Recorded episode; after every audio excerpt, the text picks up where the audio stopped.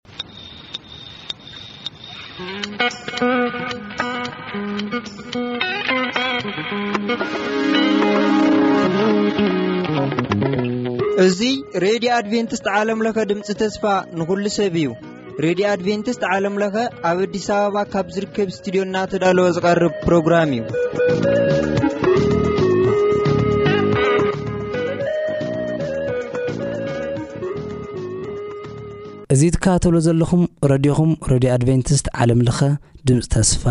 ንኹሉ ሰብ እዩ። ሕዚ እቲ ናይ ህይወትና ቀንዲ ቁልፊ ዝኾነ ናይ ቃል እግዚኣብሔር ምዃኑ ኩላትኩም ኣይትዘንግዕወን።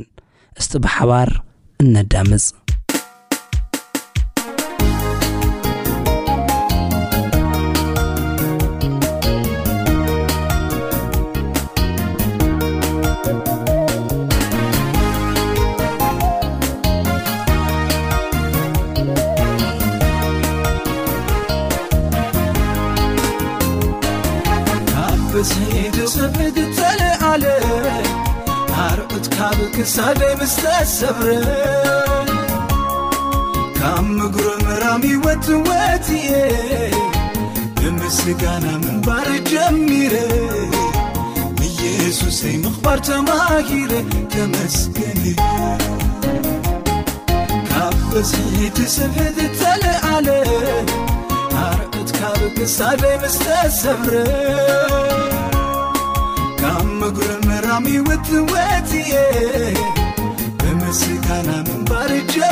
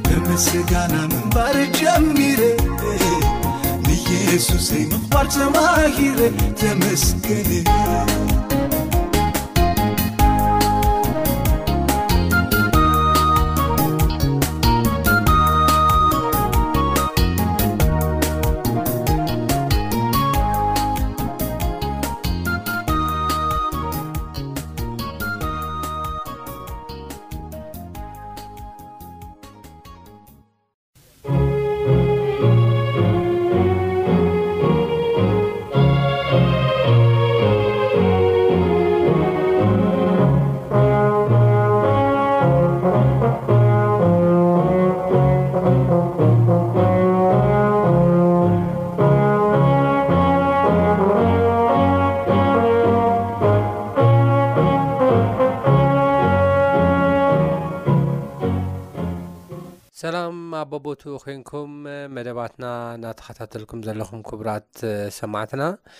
እዚ ብዓለም ለኸ ኣድቨንትስ ሬድዮ ድምፂ ተስፋ ንኹሉ ሰብ እናተዳለወ ዝቐርበልኩም መደብኩም መደብ ቃል ኣምላኽ እዩ ኣብ ናይ ሎሚ መደብና ድማ ኣብ ማርቆስ ምዕራፍ ሓሙሽተ ዘሎ ሓሳብ ሎምን ኣብ ዝቕፅልን ሒዝናልኩም ቀርብ ኢና ክሳብ መወዳእታ ክሳብ ፍፃሚ መደብና ምሳና ክፀንሑ እናዓደምና ቅድሚ ኩሉ ግን እግዚኣብሄር ምእንቲ ከምህረናን ክመርሓናን ሕጽር ዝበለ ጸሎት ክንጽሊ ኢና ንጸሊ። እግዚኣብሔር ኣምላኽና ስለዚ ግዜን ሰዓትን ነመስግነካ ኣለና ሕጂ ድማ ቃልካ ከፊትና ኣብ ነጽንዓሉ እዋን ንስኻ ተምህረናን ክትመርሓናን ኣስተውዒልና ድማ እምባር ንኽእለሉ ጸጋ ክተብዝሓልናን ኦ ጎይታ ኣብዛ ፈታኒ ዝኾነት ዓለም ድማ እግዚኣብሔር ኣምላኽ ብጽንዓት ክንመላለስ ንዓኻ ብምእማን ክንመላለስ ከም ፍቓድካ ክንመላለስ ጸጋ ከተብዛሓልና እንምነካ ኣለና ብጎይታና መድሓና ንስ ክርስቶስ ስም ኣሜን ሕራይ ኣብ ማርቆስ ምዕራፍ ሓሙሽተ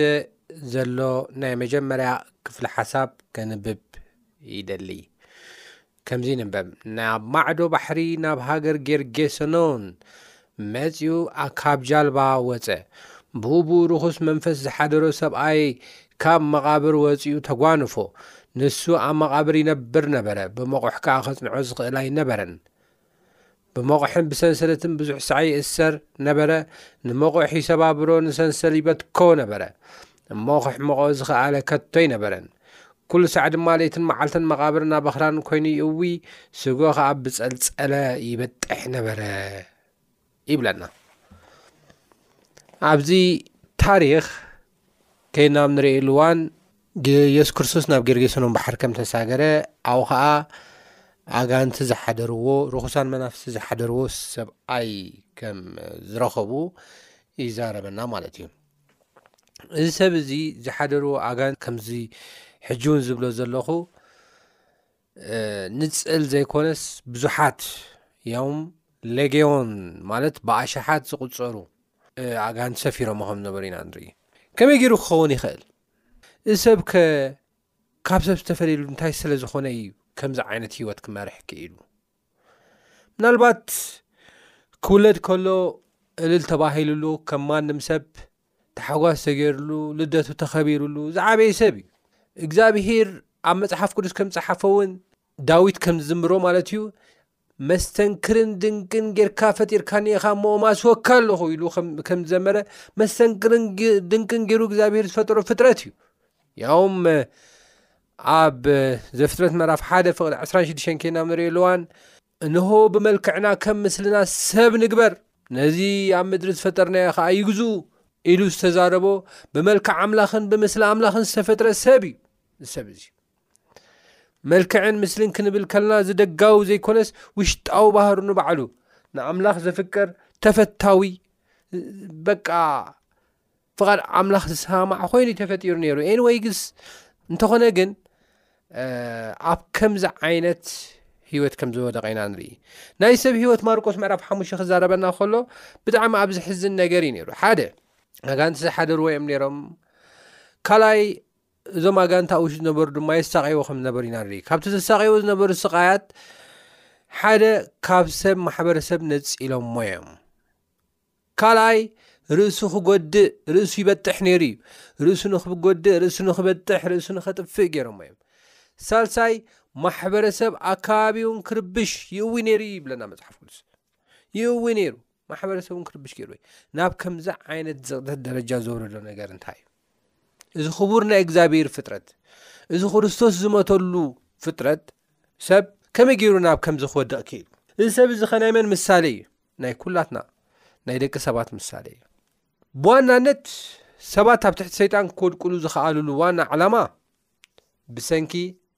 ንእግዚኣብሄር ዘይመእዛዞም እዩ ብሰንኪ ሓጢኣቶም እዩ ብሰንኪ ከም ፍቓድ ኣምላኽ ዘይምኻዶም እዩ እዚ እቲ ዋና ፍልይ ብዝበለ ግን ከይና ንሪኦ ኣለዋን ናይ ሰብ እዚ ሂወት ቀስ ብቐስ ቀስ ብቐስ ቀስ ብቐስ ቀስ ብቐስ ሓጢኣት እናተለማመደ ቀስ ብቐስ ድማ ንሓጢኣት ዘሎ ኣመለኻኽታ እናቐለለ ጭራሽ ኣብ መወዳእታ ሓጢኣት ከም ጽድቂ ገይሩ ናብ ዝርእየሉ ደረጃ እዩ በጺሑ ሎሚ መብዛሕትና እንጻረፎ ጸርፊ እንሕስዎ ሓሶት እንሰርቆ ስርቂ እንሰርቆ ስርቂ ኩሉ ኬና ብ ንርእሉ እዋን መጽሓፍ ቅዱስ ክዛረበና ከሎ ምንም ኣይመስለናን እዩ ምንም ኣይመስለና ክንጻርፍ ከልና ሓሪቐ እንደ ዩ ነረ ክንሕሱ ከልና ኣይ ተጋጊ ንጸወታ እየ ብሓጢኣት ክንጻወት ኢና ንርአ እዚ ግን ኣብ ከይዲ ኣብ እእምሮና ዝፈጥሮ ነገር ኣብ ልብና ዝፈጥሮ ነገር ኣብ ሂወትና ዝፈጥሮ ነገር ግን ንሕና ኣይንፈልጦና መጽሓፍ ቅዱስ ግን ይነገረና ነገር ኣሎ እቲ ብ ሂወትና ዝፈጥሮ ነገር እንታይ እዩ ሓጢኣት ክንለማመዶ ይገብር ተለማሚድና ከ እንደገና ዲያብሎስ ኣብ ትሕቲ እዩ ባረቱ ክንከውን ኣብ ትሕቲ ቅፅፅሩ ክንከውን እዩ ዝገብረና ማለት እዩ ስለዚ እዛ ናይ መጀመርያ ትምህርቲ ካብዛ ሓሳብ እዚኣ ወይ ድማ ካብ ሰብ ዝንመሃሮ ነገር እታ እዩ እንገብሮ ነገር ኩሉ እንዛረቦ ቃላት ኩሉ ንሓስቦ ሓሳባት ኩሉ እግዚኣብሄር ዘኽብር ክኸውን ኣለዉ ነገር ግን ቀስ ብቐስ ንሓስቦ ተሓሳስባት ኩሉ ብተንኮል ዝተመልአ ተኮይኑ ካብ ኣፍና ዝወፅእ ቃላት ኩሉ ፀርፍን ታዕታዕን ክርክርን እንተ ደኣ ኮይኑ እንደገና ሓሶት እንተ ደኣ ኮይኑ እንደገና ንገብሮ ነገር ኩሉ ከዓ ናይ ስርቅትን ናይ ምትላልን እንተ ደኣ ኮይኑ እዚ ኣብ መወዳእታ ቀስ ብቐስ ናይ ሓጢኣት ባሮት ገይሩ እንደገና ኣብ ትሕቲ ዲያብሎስ ቁፅፅር ብኣጋንቲ ተሰፍረ ሰብ ልክዕ ኮይና ኢና ንመስል ማለት እዩ ኣብ ትሕቲ ኣጋንንቲ ከመይ ዓይነት ህይወት እዩ ዝምራሕ ዝብል ቅድሚ ኢለ እውን ክጠቕሶ ከም ዝፈተንኩ ኣብ ትሕቲ ኣጋንንቲ ምንባር ከምቲ ዮሃንስ ወንጌል ምዕራፍ ዓሰርተ ዝብሎ ሰራቒ ብጀካ ክሰርቕን ከጥፍእን ክሓርድን እንተዘይኮይኑ ንኻልእ ኣይመፅእን እዩ ኢሉ ንኻልእ ኣይመፅእን እዩ ሰራቂ ዝመፅእ ንኸሰርቕ እዩ ሰራቂ ንኽሰርቕ ንክሓርድ እዩ ሰራቂ ዝመፅእ ንኸጥፍእ እዩ ሂወትካ ንኸጥፍእ ሰላምካ ንኸጥፍእ ተስፋኻ ንኸጥፍእ እዩ ስለዚ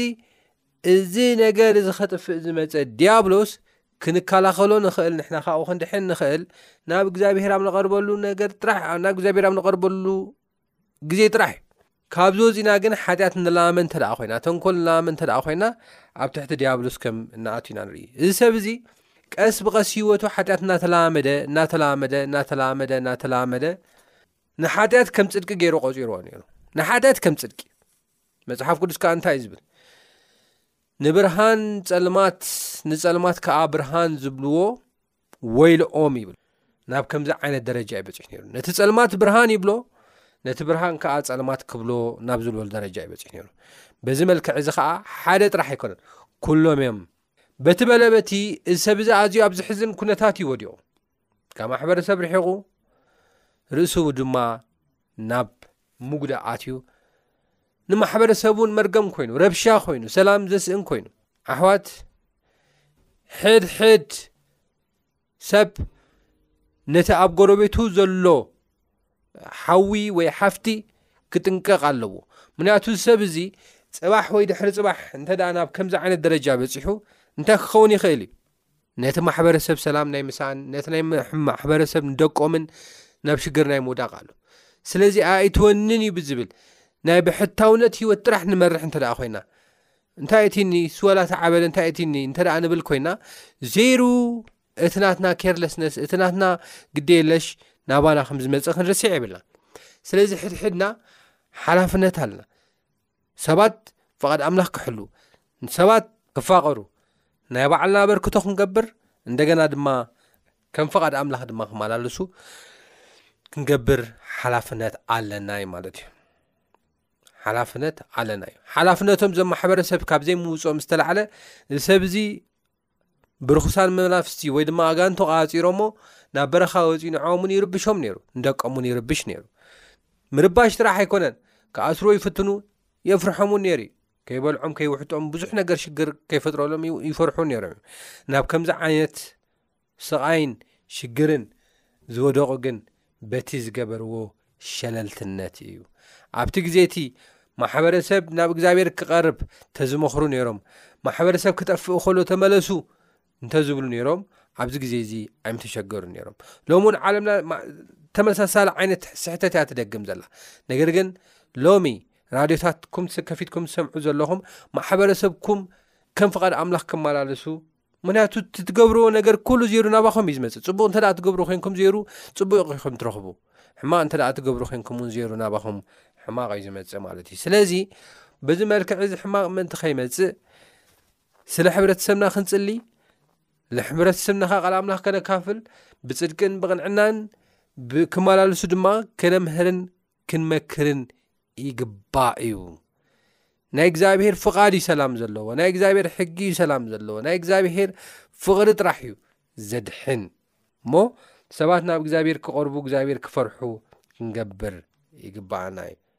እናበልኩ ናብ ተቐጻሊ ሓሳብ ክኣቱ ይደሊ ተቀዳማይ ሓሳብ ክበ ዝደሊ እዚ ሰብ እዚ ብኣጋን ተታሒዞ ቀስ ብቐስ ሓጢኣት ምልማዱ እዚ እንታይ እዩ ዘርእና ንሕና እውን ዝሓዝናሉ ነገር የብልናን ንሕና እውን ሎሚ ሓጢኣት ንላማመድ እንተ ኮይና ንሕና እውን ብክፍኣት ንላማመድ እተ ኮይና ሓጢኣት ተላሚድና ከዓ ንፀልማት ብርሃን ንብርሃን ከዓ ፀልማት ናብ ዝብል ደረጃ እንተ በፅሕና ሌጌዮን ምስፋሮም ዘይተርፍ እዩ ምክንያቱ ሌግዮ እናመረፀ ኣይኮነን ዝኣቱ ወይ ናመረፀ ኣይኮነ ተኣሽሙ ዝገብር ርእሱ ዝሃበ ብሓጢኣት ዝተፀፍከ ዝተዘፍቀ ካብ ፍቓድ ኣምላኽ ዝረሓቐ ብመገዛኣ መንገዱ ዝኸይድ ሰብ ብምሉ ሰይጣን ይወርሶን ይቆፃፀሮን እዩ ስለዚ በዚ ነገር እዚ እንገብሮ ነገራት ኩሉ ሕድሕድ እንገብሮ ነገራት ኩሉ ብጥንቃቐን ብምስትውዓለን ንኣምላኽ ብምፍራሕን ክንገብሮ ከም ዘለና እዩ ዘምህረና ማለት እዩ ተቀዳማይ ዋና ሓሳብ ማለት እዩ ናብ ኣምላኽ ቅረቡ ንሱ እውን ከቕርበኩም ይብለና ስለዚ ናብ ኣምላኽ ቀሪብና ከም ፍቓዱ ብምግባር ከም ፍቓዱ ምምላስ ክንነብር ይግባኣና ዩ ሓጢኣት ከም ሓጢኣት ድማ ክፍኣት ከም ክፍኣት ድማ ተንኮል ከም ትኮል ድማ ሓሶት ከም ሓሶት ድማ ክንፀልኦ እዩ ዝግባኣና ክንጸልኦ እዩ ዝግብኣና እግዚኣብሄር ንሓጢኣት ኣዝዩ ዝጸላእ ኣምላኽ እዩ ንሓጢኣተኛ ይፈቱ እዩ ንሓጢኣት ግን ይጸሊ እዩ ይጸልእን ይጽየፍን እዩ ምክንያቱ ሓጢኣት ኣብራሲ እዩ ሓጢኣት ኣጥፋኢ እዩ ይብል እዩ ሮሜ ምዕራፍ 6ዱሽ ፍቅዲ 23 ኬናብ ንሪኢ ኣለዋን እንታይ ይብል ዓስባ ሓጢኣት ሞት እዩ ይብለና ውበት ጸጋ ኣምላኽ ግና ብጎይታና መድሓና የሱስ ክርስቶስ ስም ናይ ዘለዓለም ህይወት እዩ ይብለና ስለዚ ናይ ዘለዓለም ሞት ንክንመውት ንዘለዓለም ንክንጠፍ እዩ ዝገብር ሓጢኣት ስለዚ ሓጢኣት ክንለማመዶ የብልና ንኣእምሮና ክለማመዶ የብሉ ሎሚ ብዝተፈላለዩ ማሕበራዊ ሚድያታት ሰባት ተታሒዞም ይርኢ ፈቐዶ ኣውቶቡሳት ፈቐዶ ታክሲ ፈቐዶ ትምህርቲ ቤታት ሰባት በቲ ማሕበራዊ ሜድያታት ተወጢሮም ይርኢ ማለት እዩ ብፌስቡክ ቲክቶክ ብዝተፈላለዩ ነገር ነገር ግን እዞም ነገራት እዚኦም ኬናም ንርእየሉ እዋን ፅቡቅ ጎኒ እኳ እንተሃለዉ ናይ ባዕሎም ነገር ግን ብትክክል ዘይተጠቀመሎም ከመይ ገይሩ ክጥቀም ከም ዝግብኦ ድማ ዘይፈለጠ ሰብ ግን ሓጢኣት ንክላማመድ ዝገብርዎ መንገዲ እውን እዮም ሓጢኣት ንክለማመድ ክፍኣት ንክለማመድ ሓዳድሽ ተንኮል ንክርኢ ኢንፋክት ናብቲ ዝዓበየ ሓጢኣት ናብቲ እግዚኣብሄር ፀሎ ናብቲ ሰደሙን ጎሞራን ዘጥፈዐ ሓጢኣት ናብኡ ንክወድቁ ክገብሮም ይኽእል እዩ ማለት እዩ ብኣግባቡ ማሕበራዊ ሚድያ እንተደኣ ተጠቂምናሉ ማለት እዩ ስለዚ ብጥንቃቐ ብጸሎት ቃል ኣምላኽ ብምንባብ ብጽድቂ ንምንባር ርእስና ኸነልምድ ኣለና እምበር ብሓጢኣት ንምልምማድ ብጸርፊ ከምኡውን ብኽርክር ብታዕታዕ ከምኡውን ብሓሶትን እግዚኣብሄር ብዘይከብረሉን ነገር ርእስና ኸነልምድ ኣይግብኣናን እዩ ከምዚ ዓይነት ነገራት ኣብ ማሕበራዊ ሜድያታት ትርኢ ተሃሊኹም ኣእምሮኹም ምእንቲ ከይሎምዶ ኩሉ ግዜ ኣብ ቮይድ ኢኹም ክትገብርዎ ዘለኩም ከተወግድዎ ኢኹም ዘለኩም ፅቡቕ መሳሊ ንኣእምሮ ዝምቹ ንስጋ ዝምቹ መሲሉ ክረአ ይኽእል እዩ ሓጢኣት ኩሉ ግዜ ከምኡ እዩ ሓጢኣት ወይ ድማ ዲያብሎስ ብሓጢኣት ገይሩ ዝስሕበና ብዝስሕብ ንስጋና ብዝምቹ ገይሩ ይስሕበና ነገር ግን መጨረሽኡ መጥፊ እዩ መጨረሻኣ ግን ሞት እያ ስለዚ እዚ ሓሳብ እዚ እናተረዳእና ከም ፍቓድ ኣምላኽ ክንመላለስ ይግባኣና እናበልኩ ናብ ተኻልእይቲ ነጥቢ ክሓልፍ እደሊ ተኻልእይቲ ነጥቢ እንታይ እያ ትብል ኣብ ትሕቲ ኣጋንቲ ኣጋንቲ ተቆፃፅርዎ ሰብ ዝኾነ ሰብ ብኸመይ እዩ ርእሱ ክፈልጥ ዝኽእል ወይ ድማ እንታይ ዓይነት ባህርያት ኣሎ? ልክዕ ከም ሰብ እዚ እዚ ሰብ እዚ እንተ ርእናዮ ብዙሓት ኣጋንንቲ ሰፊሮምዎ ነይሮም ኣብ ትሕቲ ቁፅፅሮም ስለ ዝነበረ ከምዚ ቅድም ኢለ ደጋጊመ እውን ዝብሎ ዝነበርኩ ርእሱ ኣይፈልጥን እዩ ካብ ሰብ ተፈልዩ ኣብ መቓብር እዩ ዝሓድር ነይሩ ለይቲ ለይቲ እውን ናብ ጎቦ ኮይዱ ንማሕበረሰቡን ይርብሽ ነይሩ ብፀልፀለ ገይሩ ብበሊሕ እምኒ ገይሩ እንታይ ሽሙ ሰውነት እውን ይበጥሕ እዩ ነይሩ ይብለና መጽሓፍ ቅዱስ። ንሱ ጥራሕ ኣይኮነን ብዙሓት ከድሕንዎ፣ ብዙሓት ክፍውስዎ፣ ብዙሓት ታእሽሙ ክገብርዎ ይኣስርዎ ነይሮም። ነገር ግን ሰንሰለቱ በጣጢሱ እንደገና ናብ መቓብር ይኸይድ ከም ዝነበረ ኣብኡ ኮይኑ ድማ ይእዉ ከም ዝነበረ እዩ መጽሓፍ ቅዱስ ዝዛረበና ማለት እዩ። ስለዚ ኣብ ትሕቲ ሰይጣን ሰይጣን ተቋፂርካ ማለት ሞት እዩ ጥፍኣት እዩ ሰይጣን ንክሰርቕ ንክሓርድ ንኸጥፍእ ተደይ ኮይኑ ንካልእ ኣይመፅእን እዩ ከም ዝብሎ መፅሓፍ ቅዱስ በቃ ንክሓርድ እዩ ነዚ ሰብ እዚ እውን ሂወቱ ይሓርዶ እዩ ነይሩ ሂወቱ የጥፎ እዩ ነይሩ ሂወቱ ብዘይ ተስፋ እዩ ዘትርፎ ነይሩ ኣእምሩ እውን ኣዛቢዕዎ ነይሩ እዩ ስለዚ ኣብ ትሕቲ ሰይጣን ምዃን እዚ እዩ ነገር ግን እዚ እቲ ናይ መጨረሻ ሌጎዮን ዝሰፈርዎ ኣይኮነን ካብዚ ንላዕሊ እውን ክኸውን ክህሉ ይኽእል እዩ ካብዚ ንታሓት እውን ክህሉ ይኽእል እዩ ሓደ ሓደ ሰባት ብሰይጣን ምቁፅፃሮም ከይፈለጡ ሰይጣን ከም ተቋፃፀሮም ከይፈለጡ ዝነብሩ ሰባት እውን ኣለዉ ኣእምሮኦም ከም ሰብ ይመላለሱ ይኣት ይወፁ ነገር ግን ኣእምሮኦም ምስ ተቋፂርዎም ብኡ ዝምርሑ ንዕኡ ዘምልኹ ሰባት እውን ኣለዎ መፅሓፍ ቅዱስ ከናም ንሪእየኣለዋን እዚ ኦረዲ ኦፊሻሊ ልክዕ ከም ዕቡድ እዩ ዝወፅ ነይሩ ብደገ ነገር ግን ከም ዕቡድ ኣብ ደገ ዘይወፁ ሰባት ከም ዕቡድ ኣብ ደገ ዘይወፁ ሰባት ግን ኣለው ከም ዕቡድ ኣብ ደገ ዘይወፁ ኣለው እዞም ሰባት እዚኦም ከይናም ንሪእየኣሉዋን እንታይ እዩ ዘርእየና እዞም ሰባት ክንርኢ ከልና ሓደ ሓጢኣት ተለማሚዶሞ እዮም ንፀልማት ብርሃን ንብርሃን ፀልማት ኢሎሞ እዮም ንግን ግን ኦፊሻሊ ዕቡዳት ተባሂሎም ኣይወፁን ግን ብሰይጣን መንፈስ እዮም ዝምርሑ ብናይ ርኹስ መንፈስ እዮም ዝምርሑ መርሒትካ ወይ እዮም ዝቕበሉ ማለት እዩ በቲ በለ በቲ ርእሱ ስሒቱ ናብ በረኻ የውፃእ ኣብ ገዛ ኮፍ ይበል ሰይጣን ተተቋፂርካ ሰይጣን ተቋፂርካ እዩ መወዳእትኡ ኸዓ ሞት እዩ ፍጻሚኡ ኸዓ ሞት እዩ በቲ በለት በቲ ግን ሰይጣን ንዓና ክቆፃፀርና ዝኽእል ብሓጢኣት እዩ ትዝክሩ እቶ ኮንኩም ናብ ናይ በልኣም ከምኡ ናይ ባላቕን ታሪክ ክወስዘኩም ሞ ብዘህሉቅ ምዕራፍ 23 ክሳብ 24 ዘሎ ሓሳብ ከይደ ክንሪኦ ከለና ባላቅ ብዙሕ ገንዘብ ሂቡ ንበልኣም ህዝቢ እስራኤል ክረግመሉ ብፀውዖ መሰረት በልኣም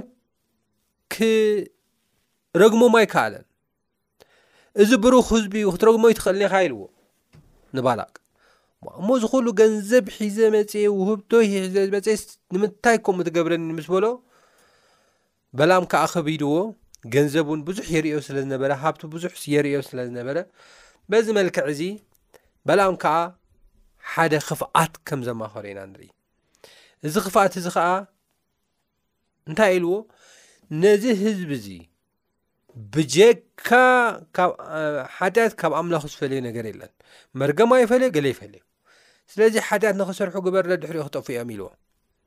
በዚ መልክዕ እዚ ከይድና ንርኢ ኣለዋን ሓጢኣት ንክሰርሑ ባላቅ ፅቡቓት ኣንስቲ መሪፁ ከምዝሰደደሎም ኢና ንርኢ ፅቡቓት ኣንስቲ ጽቡቓት ኣንስቲስ ምስ ሰደደሎም ምስኣን ከም ዝደቀሱ፣ ምስኣን ከም ዘመንዘሩ፣ ምስኣን ከም ዝዓንደሩ ህዝበ እስራኤል እዩ መጽሓፍ ቅዱስ ዝዛረበና ማለት እዩ በታ መዓልቲ እቲኣ ይብለና ዝኹሉ መርገማት ዝኹሉ ነገራት ከጥፍኦም ዘይከኣለ ህዝበ እስራኤል በታ መዓልቲ እቲኣ ግን ብኣሸሓት ዝቕፀሩ ሰባት መቕዘፍቲ ከም ዝወረደ ኣብ እስራኤል ዓበ ብኽያት ከም ዝኾነ ኢና ንርኢ ማለት እዩ ስለዚ ሰይጣን ከመይ ገይሩ ከም ዘጥፍኣና ሰይጣን ከመይ ገይሩ ካብ ኣምላኽ ከም ዝፈለየና ይፈልጥ እዩ ብሓጢኣት እዩ ስለዚ ሎሚ እውን ሰይጣን ብማሕበራዊ ሜድያ ኮነ ከምቲ ቅድሚ ኢለ ዝበልክዎ ብዝተፈላለዩ ነገር ኮነ ፀርፊ ንክለሃማመድ ሓድሽ ክፍኣታት ክንለማመድ ተንኮል ክንለማመድ ተንኮል ድማ ከም ፅድቂ ገርና ከም መስሓቂ ገርና ከም መዘናግዒ ገርና ክንሪኦ ዝገብሮ ዘሎ ጻዕሪ ኣሎ እሞ ካብዚ ንደሓር ንሕና ክንጥንቀቕ ንቑሓት ክንከውን ከም ዝግባኣና ዘርኢ ሓሳብ እዩ ምክንያቱ ኣብ ትሕቲ ሰይጣን ምዃን ማለት ምጥፋእ እዩ ኣብ ትሕቲ ሰይጣን ማለት ሰላምካ ምስኣን እዩ ኣብ ትሕቲ ሰይጣን ምዃን ማለት ሰይጣን ህይወትካ ንኽሕልፈካ ትዲ ኮይና ካልእ ኣይኮነን እቲ ምክንያት ይብለና መፅሓፍ ቅዱስ ስለዚ ነዚ ሰብ እዚ ኣብ ከምዚ ዓይነት ሂወት ኣውዲቕዎ ነይሩ ነገር ግን ምናልባት ኣብ ዝቐፀል ቃል ክንሪኦ ኢና ኢየሱስ ክርስቶስ ተዘይበፅሓሉ ማንም ክበፅሓሉ ኣይመክኣለን እዚ ሰብ እዚ እውን ምሞተ ነይሩ ነገር ግን ኢየሱስ ክርስቶስ ስለ ዝበፅሓሉ ኣብ ዝቕፅል ታሪክ ክንሪኦ ኢና ከም ዝደሓነ ሰብ እዚ ኢና ንርኢ እቲ ካልኣይ ነጥብና እዚዩ ኣብ ትሕቲ ሰይጣን ምዃን ማለት ምጥፋእ ምሕራድ እዩ እቲ ሳልሳይ ድማ ከይድና ብ ንሪእየሉ እዋን እቲ ሳልሳይ ድማ ከይድና ብ ንሪእየሉ እዋን ኣነ ኣይተሓዝን እየ በዚ ርኹስ መንፈስ ኣይተሓዝን እየ እንብል ሰባት ንዓይ ኣይምልከተንን እዩ እንብሎ ነገር ኣይኮነን እዚ ጉዳይ እዙ እዚ ንዓይ ኣይምልከተንን እዩ እንብሎ ጉዳይ ኣይኮነን ሰይጣን ቀይሕ ኹን ጸሊም ሃፍታም ኩን ድኻ ወዲ ተባዕታይ ኩን ጓልንስተይቲ ኩሉ ከይፈላለየ ንክቆፃፀር ኩሉ ንክቀትል ኩሉ ንኸጥፍእ ኩሉ ንክሰርቕ መፅ እዩ ተዓጢቑ እዩ ዝሰርሒ ዘሎ ሽማግሌ ይኹን ንእሽተይ ህፃን መንእሰይ ስራሕ ዘለዎ ይኹን መንእሰይ ስራሕ ዘይብሉ ማንም ሰብ ንክሕዝ ሰይጣን ይፅዕር እዩ ዘሎ ስለዚ ኩሉ ማሕበረሰብ ሕጂ ራዲታትና ከፊትኩም ትከባተሉና ዘለኹም ፖድካስት ትከባተሉና ዘለኹም ብካልእ መንገድታት እውን ትከባተሉና ዘለኹም ኣሕዋትን ኣሓትን በዚ መልክዕ እዚ ንኩሉ ሰይጣን ከጥፍዕ ተዓጢቑ ዝሰርሓሉ ዘሎ መንገዲ ንሕና ነቒሕናሉ ምስ እግዚኣብሔር ተጣቢቕና ክንመላለስ ከም ዝግባኣና እዩ ትምህርቲ እዚ ዘምህረና እሞ ናይዚ ቀፃሊ ክፋል ኣብ ዝቕፅል ክንርኢ ኢና ክሳብ ዝቕፅል ግን ሰላም ኩኑ እናበልኩ ከም ፍቓድ ኣምላኽ ክንመላለስ እግዚኣብሔር ፀግኦ የብዛሓልና ጎይታ ይባረኩም